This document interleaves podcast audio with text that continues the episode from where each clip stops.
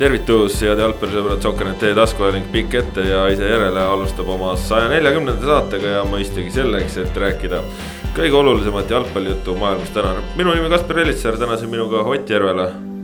tere päevast. ja Kristjan Jaak Angur ka. tere. tänase saate teemad on sellised, et räägime natukene naiste jalgpallist, räägime natukene kodusest liiga jalgpallist, räägime eurosarjades toimunust ja räägime ka Eesti koondisest ja sedasi umbes see kõik kulgebki. nädalavahetusel selgus siis äh, üks Eesti meister juba ära, seda naiste arvestuses, kui laupäeval peeti Tallinna Sportland Arenal tõeline finaallahing. naiste meistriliiga kahekümne neljanda vooru raames tiitlikaitsja Tallinna FC Flora võõrustas äh, Saku Sportingut, äh, oma lähimat jälitajat, kes tol hetkel jäi Florast maha vaid ühe punktiga ja see matš sai päris tormilise alguse, kui Flora läks juba esimesel äh, minutil rünnakule, sai penalti ja penalti realiseeriti, nii et teiseks minutiks oli Flora üks-null peal, neljandaks minutiks oli seis tablool üks-üks. ja siis teisel poolel lõpuks äh, Flora järjekordne penalti tõi siis äh, tiitlikaitsjale võidu ja ühtlasi neljanda järjestikuse meistritiitli. Saku pidi leppima siis äh, hõbemedalitega, mis on ka klubi ajaloo parim tulemus. Äh, no Ott, sa olid ka laupäeval kenasti pika päeva kogu kõik Sportland Arenal ei olnud kogu päeva, ma õhtust Kalev Nõmme United mängu ei jäänud kajastama. ai, ai, ai, ai. on arenguruumi, eks ole, jah. ikkagi. no nüüd... siiski kuus tundi oma veetsid ära seal Sportland Arenal oma päevast, nii et äh, kuidas see naiste duell äh, sulle meeldis ja, ja mis äh,, mis mõtteid see kõik sinust tekitas?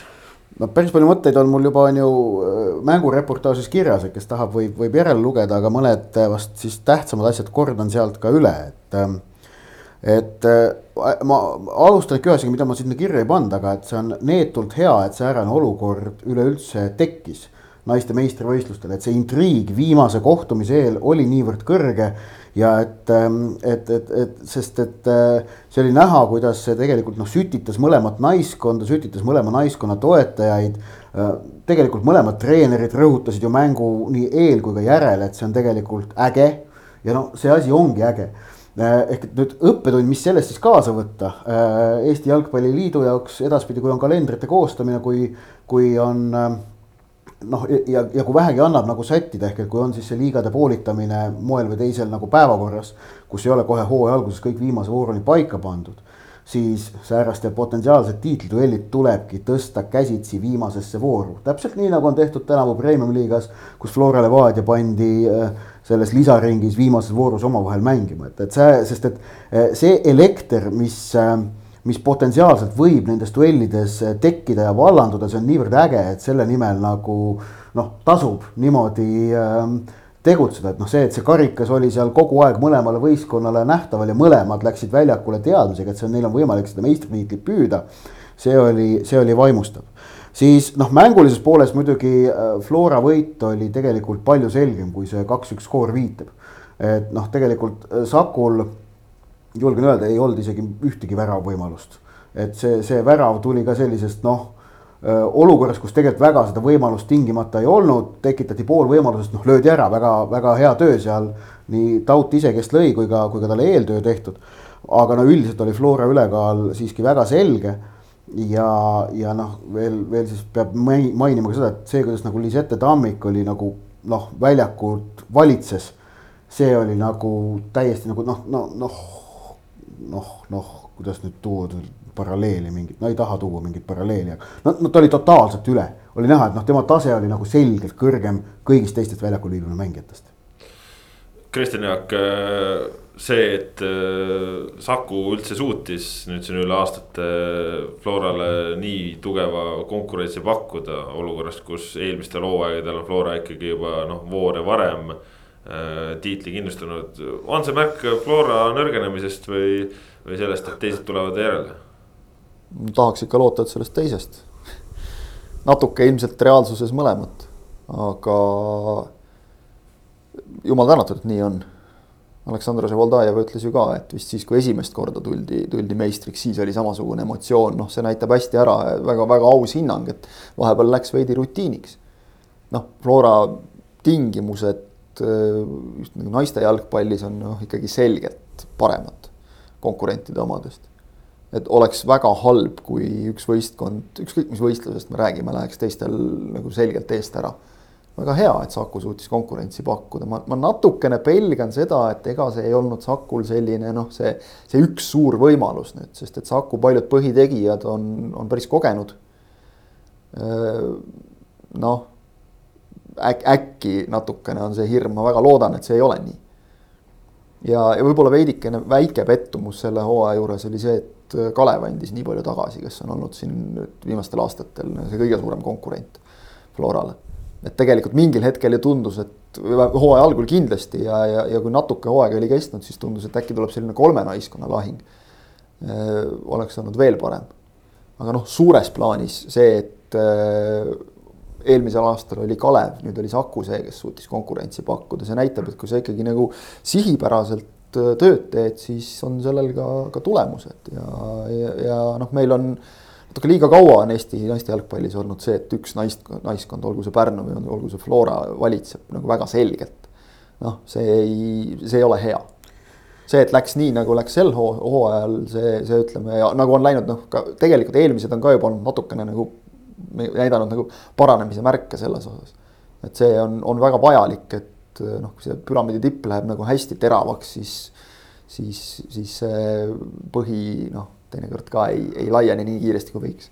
aga no seal on ikkagi paratamatu, on ju asjaolu, et äh, Flora kujutab endast organisatoorselt sedavõrd võimast masinavärki, millele Saku Sportingul, kes noh, teeb küll mm -hmm. väga head tööd, selles keegi ei kahtle, puht nagu noh, on väga keeruline jõuga vastu saada, et, et noh, tuletan meelde, et ega Flora naiskond oli ju läbi hooaja hädas väga suurte vigastusmuredega mm. -hmm et, et ja nad võitsid vaatamata sellele, et noh, et, et neil oli ikka mitmed põhitegijad olid ju puudu, et, et äh, Maarja Saulep on ründaja, aga mängis viimast mängu keskkaitsjana on ju noh, et. et noh, sellised nagu muudatused koosseisus, need ei ole kaugeltki mitte ühestki otsast nagu tavapärased. et, et, et aga, aga noh, keeruline on näha, kuidas äh, Saku Sporting, kes on väike klubi äh,, suudaks nagu kokku panna projekti, mis saaks vastu sellele, mida äh, Flora oma naiste jalgpallis on ette võtnud, tegelikult need aastate, aastaid, aastaid juba tegelikult teinud, noh, tuletan meelde kasvõi hooajaeelseid äh, treeningmänge, mida Flora on pidanud Skandinaavia naiskondadega näiteks et, et, et. vot see ongi just see, et vaata see, see ei ole mitte nagu nüüd ainult see, et, et on paremad võimalused, see on ka väga nagu selge järjepidev töö ja motivatsioon mängida. ja motivatsioon, just. ja, ja, ja noh, see sisemine motivatsioon, Eestis on naiste jalgpall ikkagi amatöörspordiala, mõned profimängijad küll on, aga tegelikult on amatöörspordiala.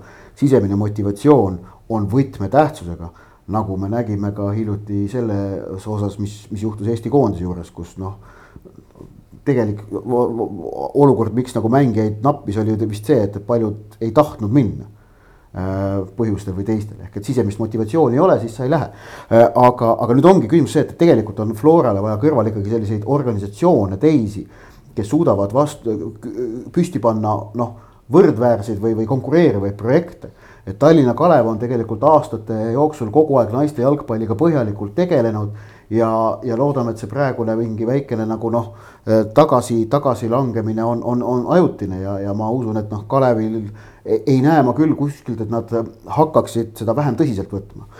Tartu Tammeka samamoodi tegeleb tegelikult, tõsi, nende tulemused on küll kehvad olnud meistriliiga tasemel, aga noh, kogu aeg naiste jalgpall on neil nad, nad, nad teadvustavad, see on üks nende tähtis haru ja selles mõttes asi on, asi on korralik. seda on au sees hoitud ja just see, mida sa ütlesid, see motivatsioon, see, et sa tunned, et, et see, mida sina teed, seda ka selles klubis hinnatakse. ja, ja. see on väga tähtis. aga ma nüüd vaatan FC Levadia, Nõmme Kalju Paide linna meeskond. Äh, ma möönan, et Paidel on natukene keerulisem seda asja teha, et, et, et noh, Paide, kui, kui eriti kuna, kuna tegemist on amatööralaga, siis noh, Paide peaks oma naiskonna kokku saama Järvamaalt, et see võib olla tõesti keeruline. aga Levadia ja, ja Paide on ka selles tippmängus meil Eestis ikkagi natukene uuem tegelane. aga Levadia ja Nõmme Kalju, kes on olnud aastaid Eestis mänginud äh, meeste jalgpallis täiesti tippkonkurentsis ja naiste jalgpallis pole nad enam pikki aastaid asja tõsiselt ju võtnud. Ja ja noh, see etteheide ei ole uus, kui ma õigesti mäletan, ma tegin aasta aega tagasi siinsamas podcast'is sellesama. Ja Aleksandr Ševoldajev, Flora naiskonna peatreener ju pühapäeva õhtul, vabandust, laupäeva õhtul ETV spordisaates ütles ka, et tema nägi ka seda, et see on nagu suurim koht, kust on võimalik naiste meistriliigal juurde panna, kui ka teised meeste tippklubid hakkaksid naiste jalgpalli tõsisemalt panustama. see on see koht, kus, kus nagu loogiliselt võttes saab tuua ressurssi, mis, mis paneb just nimelt püsti selle organisatsiooni, mis on ikkagi vaja, et võistkond toimiks edukalt ja ja tulevikku vaatavalt. ja, ja see Paide näide, mille sa tõid, mõnes mõttes äh, Viljandi tulevik, kes, kes mängib äh, meistriliigas, eks ole, on tuleviku ja Suure-Jaani ühendnaiskond, see näitab, et noh, kui on tahtmist, siis leitakse see võimalus ka kuidagi kamba peale kokku saada, noh ikkagi meistriliiga tasemel nagu täiesti võitlusvõimeline naiskond. ja noh, mida me nägime ju tegelikult äh, tolles finaalkohtumises oli ka, et okei okay,, Saku Sporting klubina, väikeklubi meeste tasemel mängib madalamates liigades. aga staadion oli Saku Sportingu toetajaid täis ja, ja väga hea atmosfäär oli. ja mõlemalt poolt oli, Floral olid ka oma toetajad kohal ja ja Sakumaad olid natukene organiseeritumad, Flora olid erinevad, erinevad sellised pundikesed, aga tõsiselt väga äge atmosfäär oli. noh, no tõsiselt oli mõnus, mõnus jalkaõhtu ja noh, nagu alati väga palju annab juurde see, kui on kui ikkagi selles pealtvaatajaskonnas on noh, või saad nagu aru, et seal on mängijate lähedased, nende emad, isad, äh, elukaaslased, sõbrad. Äh, noh, kõik need on seal tribüünil, siis noh, nende inimeste see ähm, kaasaelamine on tohutult siiras. Et sa näed, sa, sa näed ja kuuled ja tunned sealt kõrvalt, et kui ta kriiskab mingi olukorra peale, see pealtvaataja seal siis ta teeb seda põhjusel, et see inimene, kes tolles olukorras on, et on, on tema jaoks noh, niivõrd tähtis inimene. et, et seal ei ole seda kliendi suhet, et noh, ma ostsin pileti, ma tulin lahutage mu meelt. mis nagu professionaalses jalgpallis ikkagi on äh, teatud piirini, et seda seal üldse ei ole. et kõik on nagu selles mõttes natukene teistmoodi ehedam. just, no nii palju siis äh, naiste meistriliigast äh, palju õnne äh, tiitlivõitjale ja, ja ma usun, et tegelikult Sakule ikkagi natuke võib õnne soovida ka, et klubi ajaloo parim tulemus on tehtud. ei, ei no aga, aga Saku ju tegelikult vaatasid ka Saku noh, okei okay,, nad, nad väljakult läksid ära muidugi pettununa ja see on arusaadav ja noh, nii peabki, see on sport aga ka peatreeneri Jan Haarendi mängujärgsed jutud olid tegelikult see, et ta ikkagi rõhutas, et noh, see on ikkagi võistkonna ja klubi jaoks on see saavutus. kahtlemata see on. Eesti meistrivõistlustel jõuda medalile väike, väga väikese koha esindajana. Eh, noh, see on, see on, see on kõva sõna. no ikkagi mitte ainult jõuda medalile, vaid noh, mängida Oled... tiitli peale hooaja, läbi hooaja. napilt jääda küll ilma, aga ikkagi mängida tiitlile, see on suur sõna et noh, Saku võib küll jätta siin Tallinna eeslinna mulje, noh, eks ta natukene ole ka, aga noh, tegelikult ikkagi on see ju kohapealne organisatsioon, mis on seal püsti pandud. kui sa vaatad, kui palju ikkagi noh, just see, mida sa ütlesid, et Saku fännid, eks ole, olid nüüd siin sellel mängul kohal, et, et noh, üldiselt on fännidega hästi ka Saku kodumängudel. et järelikult see läheb korda, see võistkond, järelikult on tehtud eh, piisavalt tööd selle nimel, et ta läheks korda. just see, mida Ott ütles, et oleks see, see siiras, omad mängivad see on ju see, mille peale, kui meil siin meeste meistriliigas need kogukonnajuhte hoiame tööl, eks ole, noh, kogukonna peale me ju ehitame seda just nimelt. kui see on seal nagu tekkinud ja, ja noh, mine, mine võta kinni, võib-olla on, on mingil sellisel väiksemal klubil ongi just hea, et, et jah, meeste võistkond on ka olemas, noortevõistkonnad on ka olemas, aga fookus on pandud äh, naiskonnal. miks mitte, selles, mis, mis nagu selles halba saab jälle olla jah, ega selliseid klubisid on Eestis ju mõned veel noh, Põlva Lootus Just. on ju. on, on selline suunakond ja on ju ka väga selgelt neid klubisid, kes tegelevadki noortega, nii et selles Just. mõttes. jalgpallis ju peakski olema nii, et eh, erinevatele sihtgruppidele on fookus võetud, mitte nii, et kõik ajavad mingisugust ühte. ja siis ongi põnev nagu vaadata, et erinevad lähenemised, eks ole, et tippklubi, siis äh, naistele keskenduv klubi, eks ole. see ongi sihuke kasvatajaklubi, sihuke, et see on täitsa normaalne osa jalgpallist. nii palju siis äh, sellest, äh, Floraga jätkame, aga, aga jätkame FC Flora meeskonnaga ja jätkame Eurolainelt neljapäeval. pidas siis Flora oma teise kodumängu konverentsiliiga alagrupi turniiril. Äh, oli siis sedapuhku külas Famagusta Anartosis Küprose klubi, nii nagu võõrsilgi jäi Flora avapoolel null kaks kaotusseisu, aga siis taas ronis sellest välja, ronis kaks kahe peale ja tegelikult äh, mänguliselt võimaluste rohkuse mõttes ja nii edasi oli lähedal, et see mäng ka võita, vähemalt võimaluste poolest, aga Assaf Zur mees Hanartosise värava suul oli kogu aeg ees ja, ja ega seal äh, veel täitsa viimasel sekundil Rauno Sappineni noh, pingutus oli ka lihtsalt selline juba nii, nii kuidagi ülevoolavalt äh, tahtmist täis, et, et seal see keskendumine kadus ja, ja läks jõuga vajutama olukorras, kus sa võib-olla ei ole terve hooaja jooksul näinud kordagi, et Rauno Sappinen nagu läheks nagu nii emotsiooni pealt, et ma pean ja ma tahan selle värava lüüa et noh, tavaliselt ta teab, et ma lähen ja löön ja siis lükkab nurka või, või midagi muud, aga, aga jah, seal täiesti viimasel sekundil veel läks jõuga virutama, et mine see pall sisse, aga ikka ma, ei läinud, et. ma arvan, see oli tingitud sellest noh, pettumusest, mida olid need tekitanud eelmised võimalused, kus ta oli, kus ta väravat ei löönud, et ta ühe ta lõi, aga tegelikult noh, esimese poole lõpus üks šanss ja teisel poolel ka ju veel veel kaks vist. kaks jah, enam-vähem. eriti see üks, see, mis noh, natukene terava nurga alt lõi, väravvaht tõrjus vist näoga. kehaga vist. või kehaga jah, ja, ja siis, kus see Sapinen jäi aga, aga rusika, löök, rusikaga muru peksma. löök tal ei tulnud selles mõttes välja, et ta ilmselt tahtis lüüa madalalt. Ja, ja. ja oli nagu aru saada, et ta ei olnud endaga üldse rahul selle lahendusega, et noh, mitte, mitte ei olnud ainult asi selles, et väravavaht tegi väga head tööd maksimalist, nagu ta on, et noh, jälle Ranno Zappinil lõi ainult ühe värava ja siis räägime, et raiskas ja ei olnud hea mäng nagu.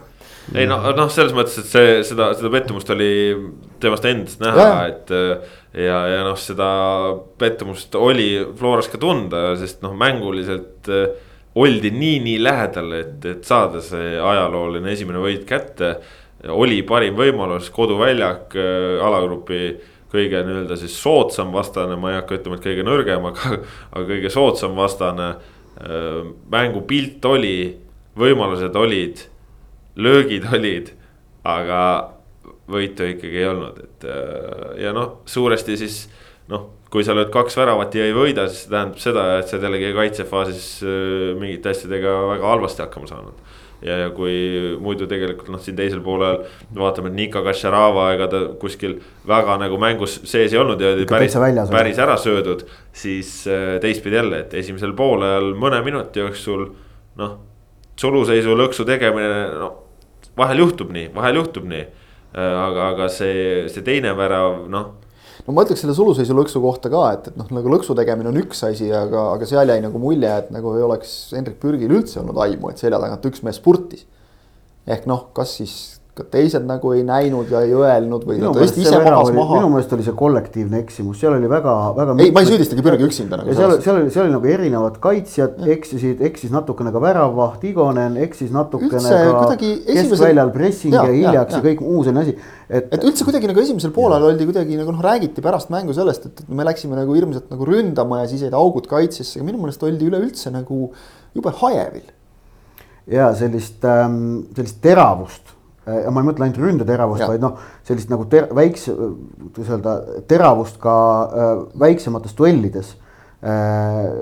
väljaku erinevates otsustes oli nagu vähem, kui me oleme harjunud Flora puhul nägema ehk et eh, jah, e-, esimene poolaeg oli Floralt ikka päris kehv tegelikult. ei tea, kas nagu kammitses nagu see teadmine, et, et noh, see on see meie see võidu võtmise koht nagu. Ja, ilmselt oli see, muud nagu ei oska seal öelda, sest et noh, üldiselt noh, vaevalt nüüd Flora ta võib muidu väsinud olla, see võib välja lüüa liigamängudes, aga see, et kuidagi mängijad oleksid vaimselt väsinud nendes euromängudes, sellesse ma ei usu eriti.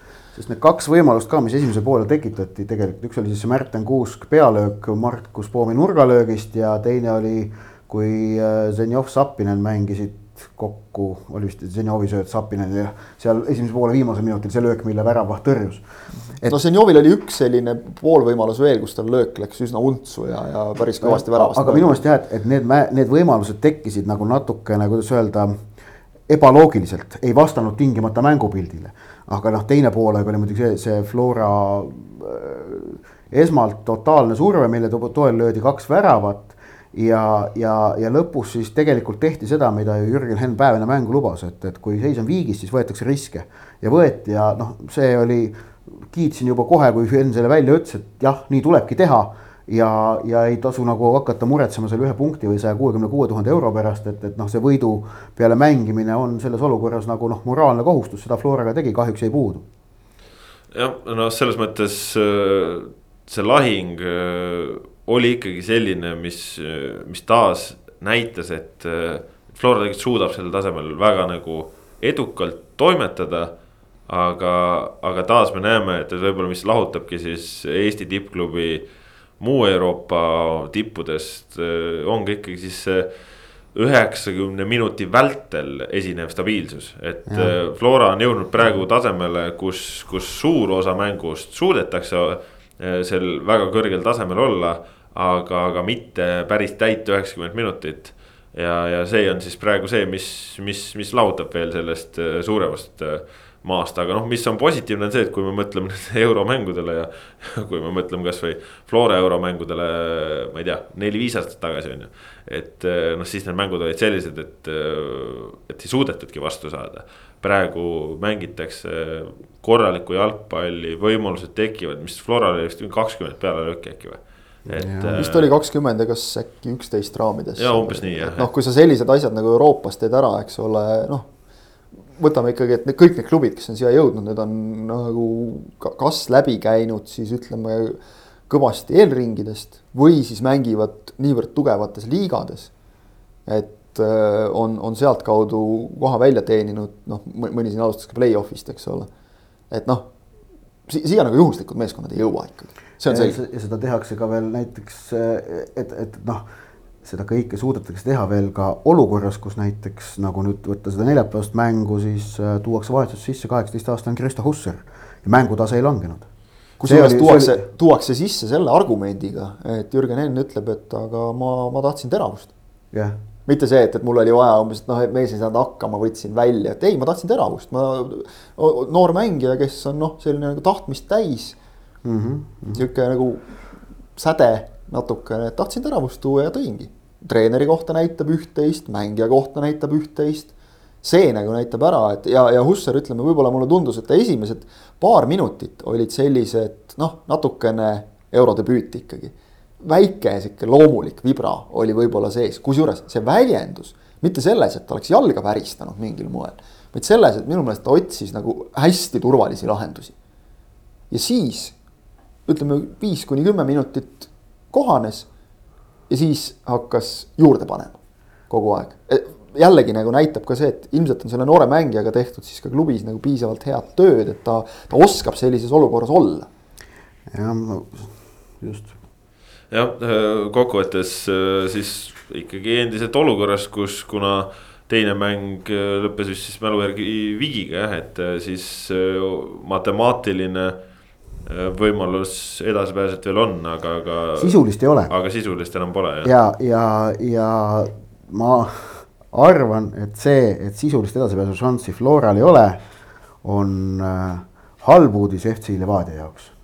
Sellest, sest, sest et äh, Floral nüüd tegelikult eurosarjas pinged on neil maas äh,. ja, ja paratamatult, kui sul on šanss kuhugi edasi pääseda, jõuda, see, sellega kaasneb pinge sa natukene ikkagi praed, see, see kurnab mingil määral emotsionaalselt, see on loogiline, see noh, spordis see niimoodi toimubki no see on lihtsalt see, et sa tahad ja, ja see natukene võtab sult energiat. just, just, aga noh, nüüd on seis tegelikult see, et nad Flora saab, Floral ainuke variant edasi pääseda on see, et nad võidavad kodus partisani ja võõrsil Henti. Eh, ja samal ajal partisan ei tohi eh, Famagusta vastu saavutada viimases voorus enamat eh, viigist. eeldusel, et Flora võidab partisani vähemalt kolme väravaga või siis peab hoopis Famagustale kaotama. et, et, et see on nagu noh, päris noh, no tegelikult sisulist varianti ei ole, mis tähendab, et Flora saab kogu oma emotsionaalse energia ja fookuse suunata premium-liigale ning võtta eurosarja tõesti nüüd sellise, neid kahte viimast mängu juba sellise noh, kõrvalnähtusena, mida nad siiamaani teha ei saanud. Ja pluss ma arvan, et kui vaja, siis Jürgen Henn ka teeb valikuid, koosseisu valikuid premium-liiga kasuks. Seda ma ei usu, kusjuures. Ma arvan, et praegune kõige halvem uudis on partisanile, sellepärast et kui Flora tuleb nagu äh, ikkagi sooviga saada esimene võit kirja, aga samas äh, pingevabalt, siis äh, et siis noh, võib huvitav mäng tulla lihtsalt siin kolme nädala pärast. ja meenutame seda, et ikkagi noh, partisani võinuks äkki pidada agentist võib-olla isegi nagu natukene suuremaks soosikuks. ja samas, kui me mäletame seda võõrsil mängu, siis, siis. Võõrsil. väga okeilt mängis. kusjuures ma ütleks, et Flora tegi partisani vastu võõrsil, vähemalt mulle jäi nagu kohati jäi nagu mulje, et, et senistest euromängudest mingites asja, aspektides, asjades võib-olla isegi nagu ühe kehvema esituse. aga mängus oldi ju sees, tegelikult. et noh, see ka nagu näitab üht-teist, jälle täpselt nagu sa enne ütlesid, need, need üksikud hetked, kus lasti lüüa kaks väravat korraks mingi ebakõla koostöös, mingi tähelepanu hajumine. Aga ju, just mõtlesin sama asja, et, et partisani vastu tegelikult on mõnes mõttes hea minna. null pinget. jah, kui partisanis tuleb sellise noh uimase pressinguga ka nagu nad seal võõrsil mängisid, siis eh, noh, siin, siin. saab mängida. saab mängida ja, ja eks Florence tahab, nad tahavad seda võitu kätte saada, et eh, noh, viis punkti on ju ikkagi juba parem kui kaks punkti. ei, seda muidugi. see on tõsi. aga, aga ma arvan ikkagi endiselt eurosarjas pinged on maas ei, seda, seda kindlasti. seda küll jah ja., aga, aga nüüd ongi, et kui sa pingevabalt äh, jahid ikkagi võitu, mida sa soovid saada lihtsalt ütleme siis ilma suuremate pingeteta, siis see võib nagu hea kompoti kokku panna. ütleme, et noh, maas on see väline surve. ise pannakse endale niikuinii eesmärke, eks ole, ja, ja ütleme, et Flora noh, reaalne eesmärk saab praegu olla ja ma arvan, et selle üle oleksid. kõik oleksid nagu rahul ja kiidaksid, et kui õnnestuks alagrupis kolmas koht tagada see noh, sisulist vahet sealt suurt ei ole, aga, aga lihtsalt. ei jää viimaseks vähemalt. see annaks emotsionaalselt täpselt selle tunde, et, et noh, muidu võid nagu öelda, et noh, neli ja noh, keegi peab viimaseks jääma, eks ole, me saime kaks punkti kätte, me ei jäänud, seni neljas mängus, üheski mängus ei ole kaugeltki nagu jäänud häbisse, pigem vastupidi. kui mängud, no mingid pisiasjad oleksid läinud teistpidi, siis, siis noh, oleks, võiks seis olla palju-palju parem, eks ole ja, ja täiesti võiksime edasipääsust rääkida, et selle, selle eesmärgi on Flora juba täitnud selle, selles osas võib nagu rahulik olla, ma olen üpris kindel, et ega kahes viimases mängus ka mingit noh, sellist totaalset lagunemist sealt ei tule, et, et see, see keskmine tase on tõstetud nii kõrgele. et noh, see, seda latti ikkagi nagu allapoole ei lasta ja arvestades, et meil on nii vähe mänge jäänud siis ma arvan, et kui mehed vähegi terved püsivad, siis Henn üritab panna ikkagi maksimaalselt. ja, ja ma ütlesin seda, et kui on vaja.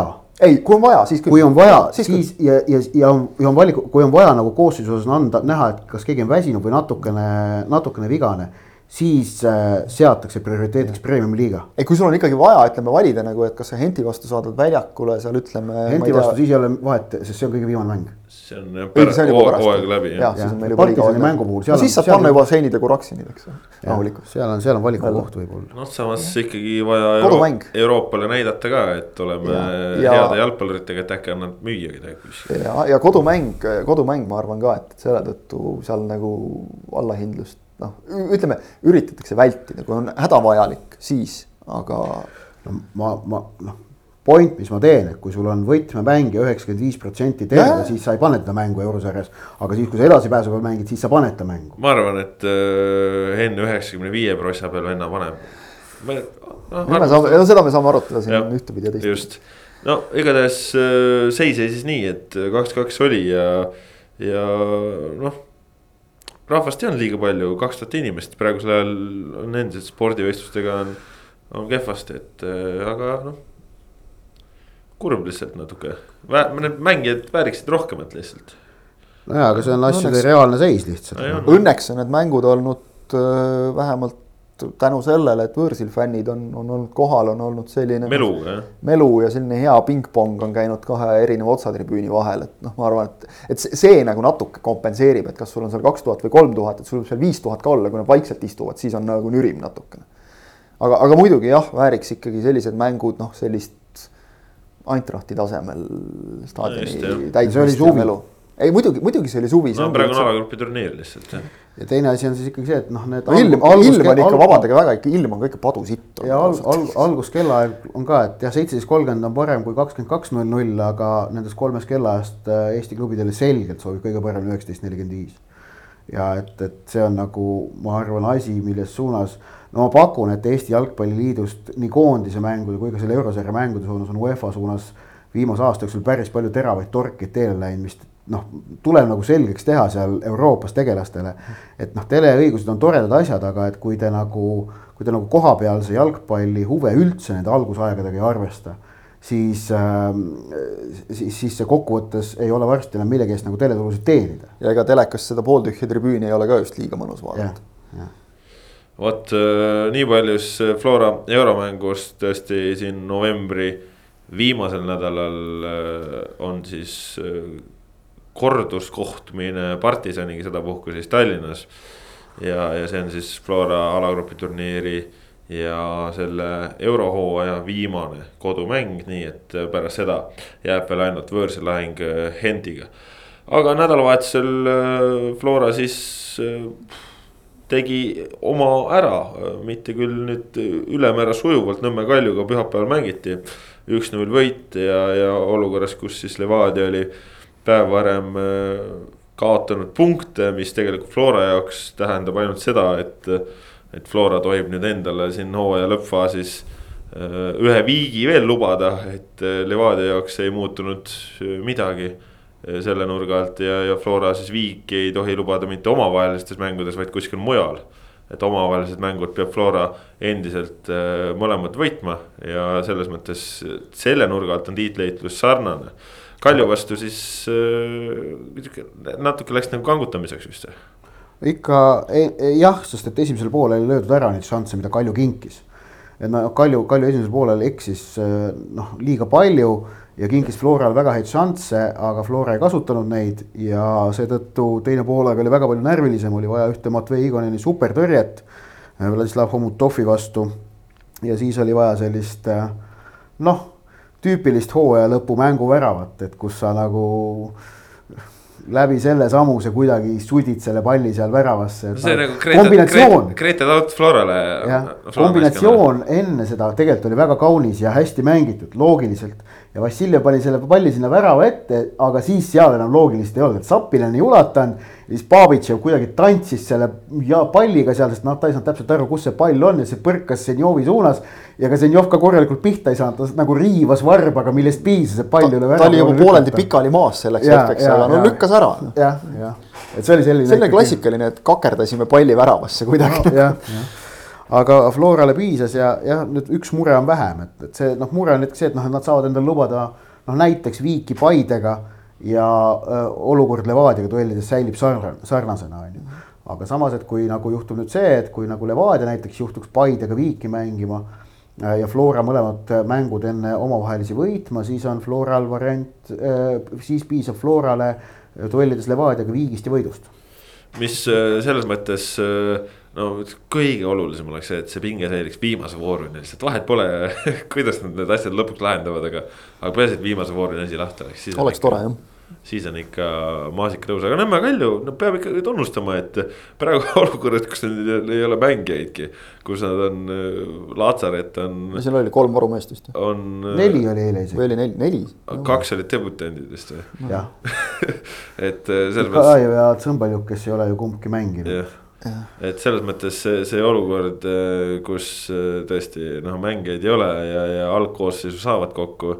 aga näe, mängivad ja, ja suudavad vastupanu esitada ja Paur seal sundis ikkagi Igoneni nagu päriselt tõrjetööd ka tegema, et. no Homutovi tõrje oli keerulisem kui see, Pauri, Pauri kauglöögitõrje oli efektne. aga tegelikult see oli palju kindlam ja oot-, oodatum tõrje kui see, mille ta võttis selle Homutovi lähilöögi. no Homutoviga on see, et Homutov viimasel ajal ei kipu värava eest üldse palju neid võrku saama, nii et see oli võib-olla no. nagu mentaalselt no, veel lihtsam. no natuke norin lihtsalt, aga Homutovil, no tal on ikka need asjad, see jalg on ikka väga kõveraks läinud seal värava ees just. aga Kalju osas on, on seis see, et ma üha enam nagu kipun arvama, ma mäletan hooaja alguses ma olin Frantsevi suhtes selles mõttes kriitiline, et noh, tema ja Nato nagu see, see konflikt või siis noh, mitte klappimine, et kuidas see nagu Kaljut kahjustas, okei okay.. aga no hetkel on see, et Franzel teeb temale olemasoleva materjaliga tegelikult ikka päris head tööd et, et ma nagu ei näe, et oleks ta praegust Kaljut väga palju võimalik paremini mängima panna. taustsüsteemi see... arvestades seal klubis käib ikka kivist vee välja pigistamine tegelikult. arvestades koosseisu, arvestades seda, et, et noh, Frantsevil jah, noh, et eh, vot võrdle protokoll näiteks Levadiaga, et mis nagu Levadial nagu seal protokollis taustajõud on ja mis, mis Kaljul on, on kolm, kolm või neli inimest eh,. Kaljul on jah, Frantsev, Kristal eh,, väravahtide treener Leppmets ja doktor doktor Belogrovtsev mulle meeldis. Äh, ja Leppmets on varumeeste seas, eks ole niikuinii, et, mulle, et mängu minna, kui Bergiga oleks midagi juhtunud. mulle meeldis äh, Frantsevi lause, et meie äh, see mänguplaan ja, ja, ja taktika on valitudki mängijate järgi. ja, ja plaan on mängijatel kõigil selge, et suudavad seda hästi ellu viia. aga vot kvaliteeti napib, et värava eest paljud võrku. no Frantsevi lemmiksõna, Katšestva ikka. Aga kusjuures ega ta, ega ta midagi valesti ei ütle, et täpselt nii ongi, et kui sa nagu sa ütlesid, kui Homutofile värava eest ära, kui sa mingid olukorrad jätad löömata või annad jälle lihtsa valesöödu. sinna ei saa treener midagi teha.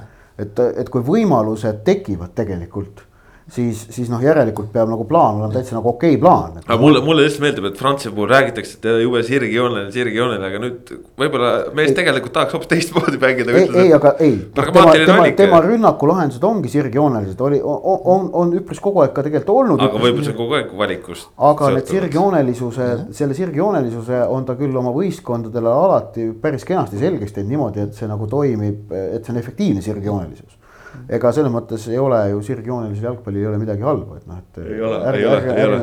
ärme nüüd ütle, et Jürgen Klopp oleks halb peatreener, ta mängib sirgjoonelist jalgpalli kohati on ju. ja, ja ei selles, sellega oleme kõik nõus. Klopp on ise just võtnud vaata sõna siin Simeone kohta, et mängitakse vale jalgpalli. jah et sellist asja tegelikult ei ole olemas nagu õige ja vale jalgpall, et kui ta tulemust toob, siis järelikult ta töötab. Ja noh, selles mõttes on nagu võib-olla natukene nagu vaatame, et noh, Frantsev ise on nagu osalt ju sellesama meeskonna komplekteerimise taga olnud ka mõnes mõttes sellest ajast veel, kui ta meistriks tuli Kaljuga aga, aga, aga et nüüd vot ongi, et sellel, selles kaljus oli just neid mängijaid, kes noh, individuaalse meisterlikkuse pealt ka otsustasid mänge ära, Liliud, Rimo Hundid, noh.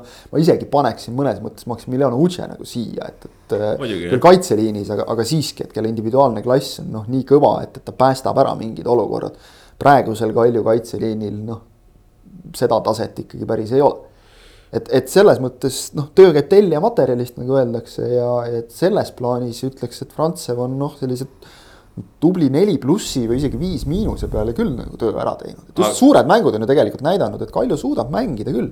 minu meelest neil on olnud probleeme, ma ei tea siis, kas enese motiveerimise või millegi muuga. just nagu tabeli noh, ülejäänud meeskonda, ärme isegi ütleme tagumise poole, vaid ülejäänud meeskondade vastu, sealt hakkab kärisema.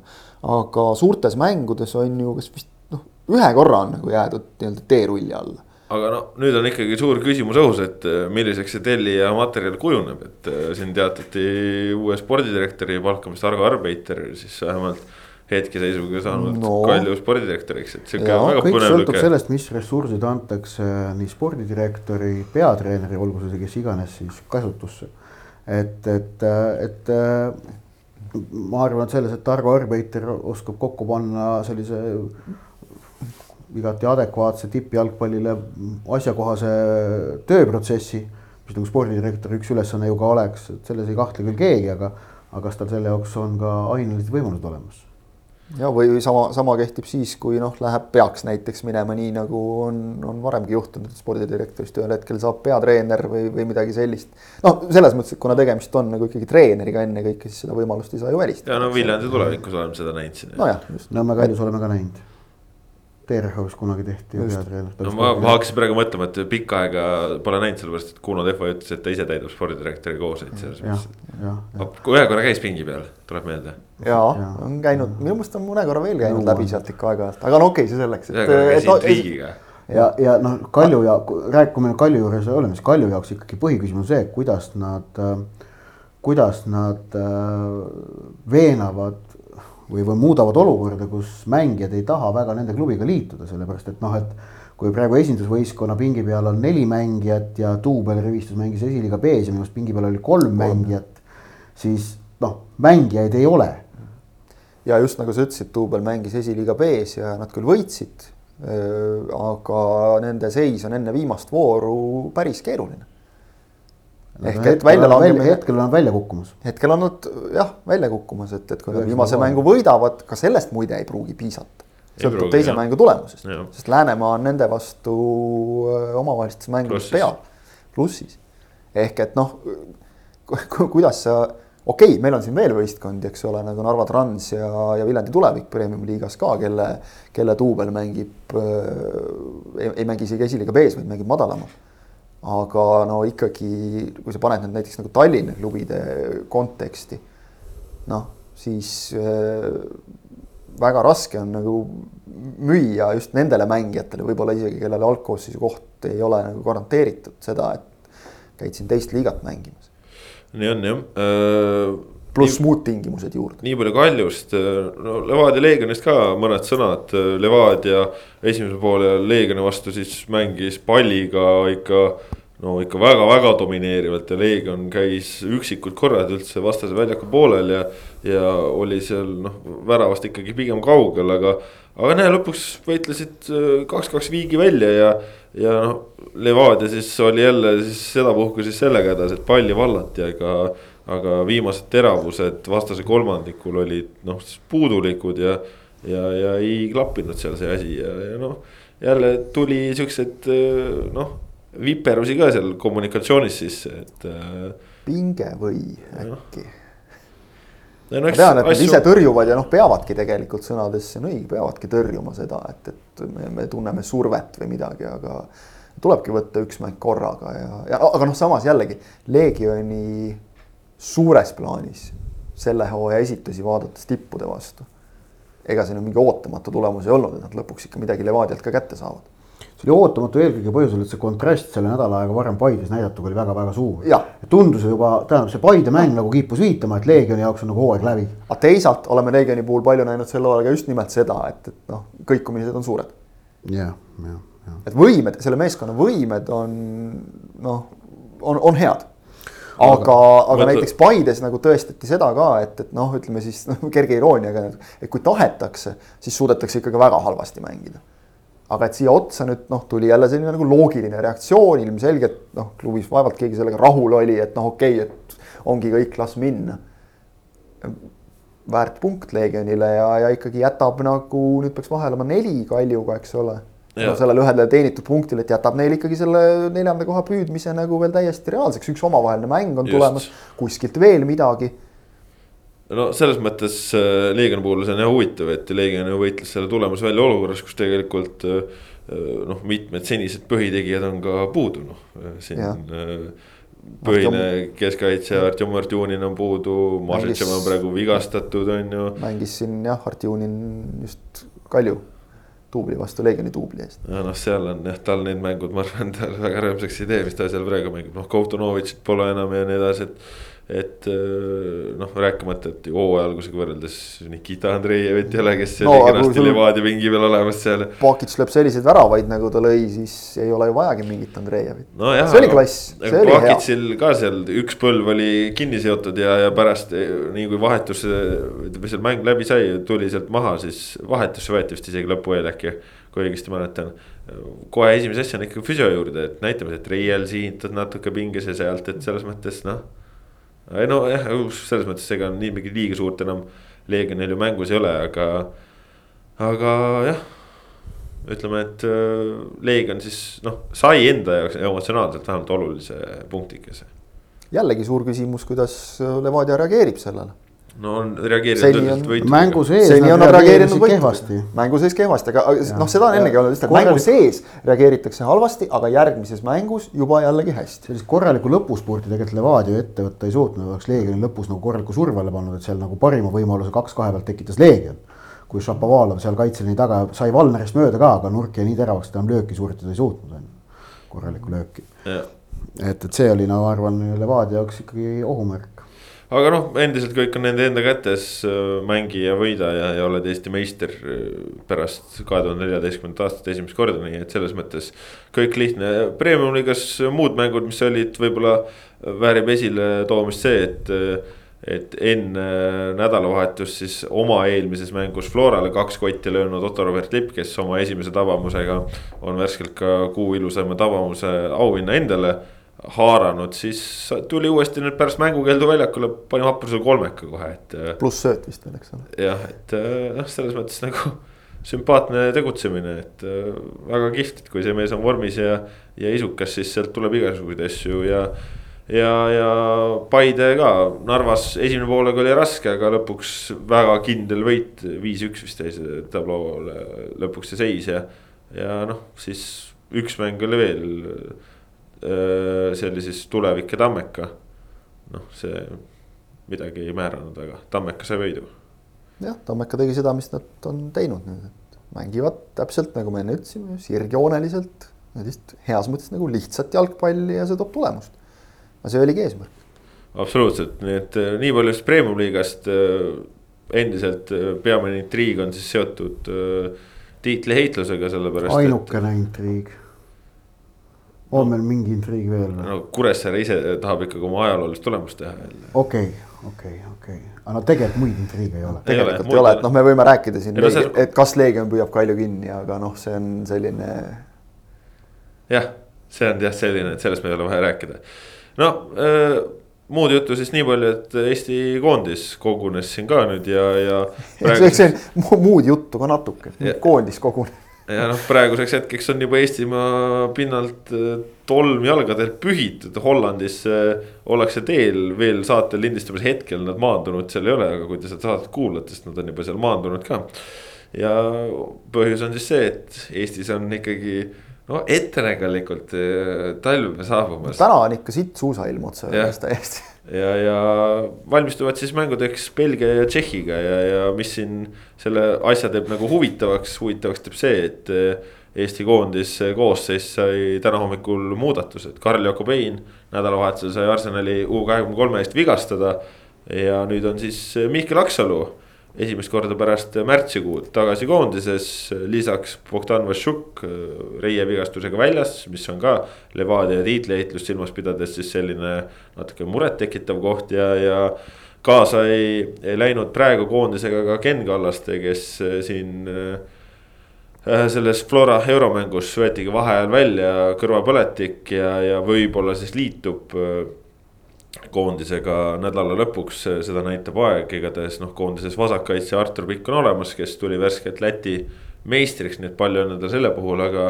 aga nüüd siis koondis ikkagi saab uue väravvahi omale äh, valikgrupi viimasteks mängudeks ja, ja kuigi Aksalu on koondises, siis puuride vahel ilmselt esimene eelistus on ikkagi Matvei Igonen. no kindlasti on ja, seal ei ole küsimust nagu. sellega, et Matvei Igonen on noh, koondise number kaks, selle me saime selgeks ju septembris, kui tema mängis Põhja-Iirimaa vastu seda maavõistlust ja. ja mängis toona ju hästi ja, ja me oleme Igoneni poolt näinud sel sügisel ka häid esitusi Flora ridades konverentsiliigas ehk et tal on nagu selge pidev rahvusvaheline praktika olemas. Igoneni kesk, ütleks, keskmine tase on nagu väga ja, korralik. ja ma isegi Olma. ütleks, et, et, et noh, et arvestades, et noh, kui sa kaotad põhiväravahi, siis Eesti-sugusel väik-, väikesel jalgpalliriigil praegu on ikkagi päris hea seis asendusväravahiga olemas. et, et see on pigem nagu harukordne, et sul on sedavõrd just nimelt ka hetkel rohkelt rahvusvahelist praktikat saanud äh, väravaht võtta äh, pingilt. no rohkem, rohkem rahvusvahelist praktikat kui Heinal endal no ja, ja, no, Heinal, no Heinal on teistsugune praktika, et tal on nagu Inglismaa noh korralik tipppraktika, et noh, et no, võtad, võtad Aubameyangi lööki iga päev trennis. ma just tahtsin öelda kogu lugupidamise juures Sappenini vastu, et noh, veel kõvemad vennad löövad peale nagu trennis sulle. no aga, aga okay, oodake, oodake, oodake, okei, ma olen nõus sellega, et me räägime Arsenalist praegu nüüd uuesti kui tipptasemel võistkonnast, nad on Premier League'is juba viiendal kohal, väga lähedal Ei. endale tavapärasele neljandale kohale, kus nad on vajunud viimastel aastatel ära.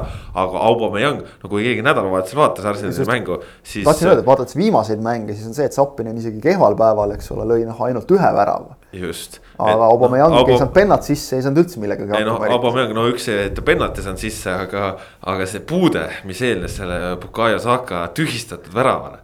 noh, see on ikkagi noh, see on ikka no, nii kohutavalt halb, et et Sapinen kindlasti nii halba puudet ei ole teinud. Sapinen jah ei tee ilmselt trennis. viimase nädala jooksul. Sapinen nende, nende prillidega ka, millega ta on harjutanud, et millega sa ei näe hästi, et nendega ilmselt ka tuleb paremini välja. just aga, aga suur pluss jah, nagu Ott ütles, on just see, et äh, Igonen on ju mängida saanud. Igonenil on korralik mängupraktika kõrgel tasemel, praegu premium-liigas tugevad mängud ainult äh, konverentsiliigas. Pole nagu midagi nuriseda. Marko Meerits oleks ilmselt äh, noh, oleks ilmselt olnud Aksalast valikus eespool. aga ega, aga Aksal on ka selles mõttes väga hea variant jällegi võtta. no ma alles rääkisin, miks ta hea variant on kuulati jälle. mitmes mõttes kuulati podcast'i, toodi Aksalu koondisesse no,, jube lihtne ikka. just, eks ole. ei no kõik kogemused, kõik asjad, noh, eks ole, et see, see rahu, mis temas on, noh, see on. see on selline hea kombo nagu Valner kolmanda mehena, kes veel, veel õpib, see kuidagi see trio on nagu ka hea selles mõttes. Heinale head paranemist, ega muud midagi, see esimeste nagu noh, kirjelduste järgi ja ütleme, kui väravavaht peab ikkagi väljakult ära minema olukorras, kus äh, vahetused on tehtud ehk väljakumängija läheb sisse, noh, see näitab, et asi on ikka päris jama. ja, ja noh, sellised igasugused mingid kõhulihase, on nad venitused või, või, või lausa rebestused, noh, need Need, need on väravavahi jaoks need päris vastikud asjad, sest et noh, nad ilmselt paranevad kaua ja, ja, ja noh, ütleme selles mõttes nagu ka hästi, et noh, Eesti koondise jaoks ei ole nendes Belgia ja Tšehhiga mängudes tohutult midagi kaalul. et noh, see, see, see nagu noh, kui see vigastus pidi tulema, et tulgu ta siis praegu vähemalt ja, ja see, et Heinal on, on tulevik kindlustatud, see on ka oluline praegu ikkagi klubis, et, et noh, see ei, ei jää kuskile ripakile nüüd selle vigastuse tõttu niimoodi. Ja kui Heina asemel siis Aksalu toodi, siis Vašuki asemel kedagi ei toodud ja põhjus siis selles, et tegelikult koondise nimekiri oli juba eelnevalt päris suur, kahekümne seitsme liikmeline, nüüd ta jääb kahekümne kuue liikmeliseks hetkeseisul. sõltub siis, mis sellest äh, Ken Kallastest veel saab ja noh Vašokist kahju jälle, jälle koondise paus ja jälle vigastus, et, äh, et ta tegelikult ju siin kevade poole näitas ja ka siin suve hakul, et, et ta oli seal isegi valikust ju, ju üks hetk sihuke, et noh, esimene vahetusmees sisuliselt on ju, et, et praegu nüüd, kus. aga ta, ta kukkus sügiseks ikkagi sinna vahetusmeeste hierarhias tahapoole no ja nüüd ja. on tal veel raskem, et sellest ja, on kahju lihtsalt jah. vigastused on natukene nagu minu meelest Levadias tal seda hoogu veidi kärpinud võrreldes hooaja esimese poolega, et no, noh, see on paratamatu. Nagu ta ei ole ikkagi, ta ei ole Levadias praegu üldse seda minekut näidanud, mida me seal nägime kevadel jah see on tõsi kahjuks. Palju seal taga nüüd on vigastused, palju miski muu, aga, aga noh, kahtlemata need traumad on mõjutanud, et kui sa ikka nagu järjepidevalt ei saa korralikult trenni ka teha, et, et see ju, see ju paneb mingi paugu ikkagi. absoluutselt. ja konkurents on tihe ju tegelikult nendele positsioonidele Levadias. aga kokkuvõttes siis äh, sel nädalal, nädala lõpus laupäeval ootab ees Belgia, kes on siis ilma Lukakuta, aga kes soovib omale MM-finaalturniiri pääset kindlustada ja siis uuel nädalal Tšehhi, noh Tšehhi mängust vast ei ole mõtet veel väga palju rääkida, aga. aga Belgia mängu eel, noh see ootus on ikkagi selline, et midagi liiga nüüd palju ilmselt võõrsil Belgia vastu ei tasu oodata, mäletades seda eelmist omavahelist kohtumist seal King Paduini staadionil, kus Henri Anier lõi värava, mis, mida ootame taas, aga millest tore natuke. see oli see üks-kaheksa mäng jah. ja.. see oli esimese poole lõpus isegi vist see oli üks-kolm, mille Anier lõi, et siis ja. nagu tundus, et täitsa on, aga teisel poolel ühest konkureerivast väljaandest kolleegiga mingil hetkel vaatasime teineteisele otsa ja küsisime, et kuule, mitmes oli? Laivi tegime mõlemad, noh, sest lihtsalt sa ei jõua, sa kirjutad, tõstad pilgu juba jälle mingil hetkel nad seal läksid natukene hoogu, et jah, selles mõttes oli, oli päris kole kogemus, et noh, tahaks nagu jubedalt öelda, et ega hullemini ikka ei lähe, aga ei, ei julge ära ka sõnuda aga ei no ma, ma usun, et. kaotuse vältimine on väga-väga keeruline. Ja, ja Belgial on väga selge sihtmärk ees ja noh, see on, see on väga-väga keeruline seal kaotust vältida kui kaotus tuleb, siis eesmärk number kaks ja mida peab olema võimalik vältida, on, on see, et, et nagu säiliks väärikus. nii, nii skooriliselt kui ka mänguliselt. ma usun, et sellest. ja, ja et nüüd öelda, noh, et kas see on nüüd mingi madalate eesmärkide seadmine, tegelikult see on, oleme ausad, me räägime realistlikult praegu, et, et noh, et, et noh, ongi nii, et noh. me võime ju rääkida, eks ole, sellest ka, et, et ei no võitma ei. läheme no,. aga ja, see on sama võit. mehed lähevadki, ega selles ei tasu kahelda, muidugi nad lähevad, aga vot ma siit kõrvalt küll seda, et, et jah, muidugi lähevad, aga, aga. aga et meie et nagu nõuaksime neilt seda. tõenäosus, et, et nad võidavad, see on noh, kaduvväike et, et meie nüüd nagu kõrvalt mis tähendab nagu, seda, nõuaksime ja ütleksime, et kui te ei võida, siis te olete nagu läbi kukkunud, noh, see oleks ka väga ebaõiglane. aga mis tähendab seda, et, et kui plaan õnnestub ja, ja, ja noh, miks ei peaks õnnestuma ikkagi, siis eh, noh, see oleks ikka noh, sigakõva tulemus no,. Eesti, oleks... Eesti on tõesti, Eesti on selles mõttes nagu. see oleks Eesti jalgpalli parim tulemus. jah, Eesti on selles mõttes praegu olukorras, kus, kus selliseid nagu suuri eneseületamisi on nagu nappinud. et äh, praegu on siin nüüd omasugustega on hakatud vaikselt jälle hakkama saama ja, ja on mängitud ja on tehtud. aga sellist nagu tõeliselt suurt, suurt, suurt äh, võitu nagu noh, seda, ei ole nii palju. et noh, siuksed noh, nagu me Hollandiga oleme punkte võtnud, et et selles mõttes jalgpalliline igatsus sellise üllatuse järele on päris kõrge, aga ta on tegelikult ka kõrge ka põhjusel, et Eesti koondis sel aastal on ikkagi väga head jalgpalli mänginud no aga võtame niipidi, et kui võib-olla no, see Belgia on nagu liiga, liiga kõva vahkel. just, just ja, ja see, ja see annabki nagu sellist noh, sisemist uh, usku veel, et, et noh, need mehed võivad tegelikult teha küll. võtame niipidi, et kui võib-olla see Belgia on liiga kõva pähkel, et noh, prooviks seda Tšehhit hammustada siis. miks ei? Ei noh, tšehhid niikuinii proovitakse hammustada, selles mõttes. see on palju jõukohasem. Tšehhiga oli ju, löödi kaks väravat olukorras, kus no. oli sihuke BC koondis noh, et äh, ja mitte siis before Christ, aga, aga lihtsalt, et A-koondis päris ta ei olnud. et äh, noh, jah, raske nädal, aga. ja, aga selline karastav nädal, et ma noh, usun, et, et meil on piisavalt palju nagu selliseid kogenud mängijaid, kes on nendes olukordades olnud ja noori mängijaid, kes oskavad nendest mängudest maksimumi võtta lihtsalt puhtalt selle pealt, et sa saad selliste vastastega mängida. ja noh, kokkuvõttes. realistid selles mõttes on ju kõik, et, et noh, jah peab, väljakule minnakse niikuinii nagu selle mõttega, et ma tahan võita seda mängu. siin ei ole ju küsimust, muidu need mehed ei mängiks Eesti koondises. ja just. aga see nagu, et, et noh, nüüd panna mingeid nagu nõudmisi peale ja noh, üks punkt oleks juba väga suur õnnestumine, väga suur õnnestumine. ja kaot-, kaotuste puhul on täpselt see, mida Ott ütles, et sõltub sellest, kuidas kaotatakse. ma arvan, et, et ikkagi noh, nagu arvestades meie vahepealset auku, siis sellest tsüklist Eestil on ikkagi õnnestunud juba enne neid kahte viimast mängu noh, nagu vähemalt nii, et kannatab nagu pea püsti ära tulla, et, et nagu piinlik ei ole. Ja arvestades, et noh, Belgia vastu see kaks-viis, noh, viis oli palju, sellest me rääkisime kõvasti, eks ole, et sa võid kaks lüüa, aga viis on palju, väga palju kodus ka veel. millal me lasime kodus viimati viis, eks ole, enne seda. et, et sellest on ka oma järeldused tehtud Nonii, siis tuleb ainult loota, et need järeldused on head ja, ja kui õnnestus juba Tallinnas lüüa väravaid Belgiale, miks siis ei peaks õnnestuma lüüa ka võõrsil. Äh, Thibaut Courtois, Belgia koondise esiväravat ei ole siin viimasel ka nüüd just nullimängudega säranud, nii et. Äh, kui Radaman Falcao suudab talle lüüa, siis miks ei peaks suutma Henri Anier. no ma just tahtsin öelda, et vaata, mis satsist, vaata, mis satsist ta mängib ka, et seal ongi väga raske särada. jah et äh, selles mõttes ootame siis vägevat koondisnädalat et Eesti jalgpall siis jah, koduse liiga mõttes on nüüd natukene ootel. Ja, ja siis, kui koondis on selja taga, siis äh, läheme liigaga edasi. no ärme unustame, et meil on nüüd ikkagi jällegi noh, ju ütleme. ma mõtlesin, et ärme unusta, et meil on jõulud tulemas. ei, seda ei taha öelda kindlasti. ma käisin jälle poes, nägin, et kõik kuusk käisid ja kaunisti. ja ei, see. on ka või? on muidugi, nalja teed, meil on november juba, muidugi igal pool on jõululaulud, kuula ka natuke, mis toimub et äh,. Rudolph the red-nosed reindeer.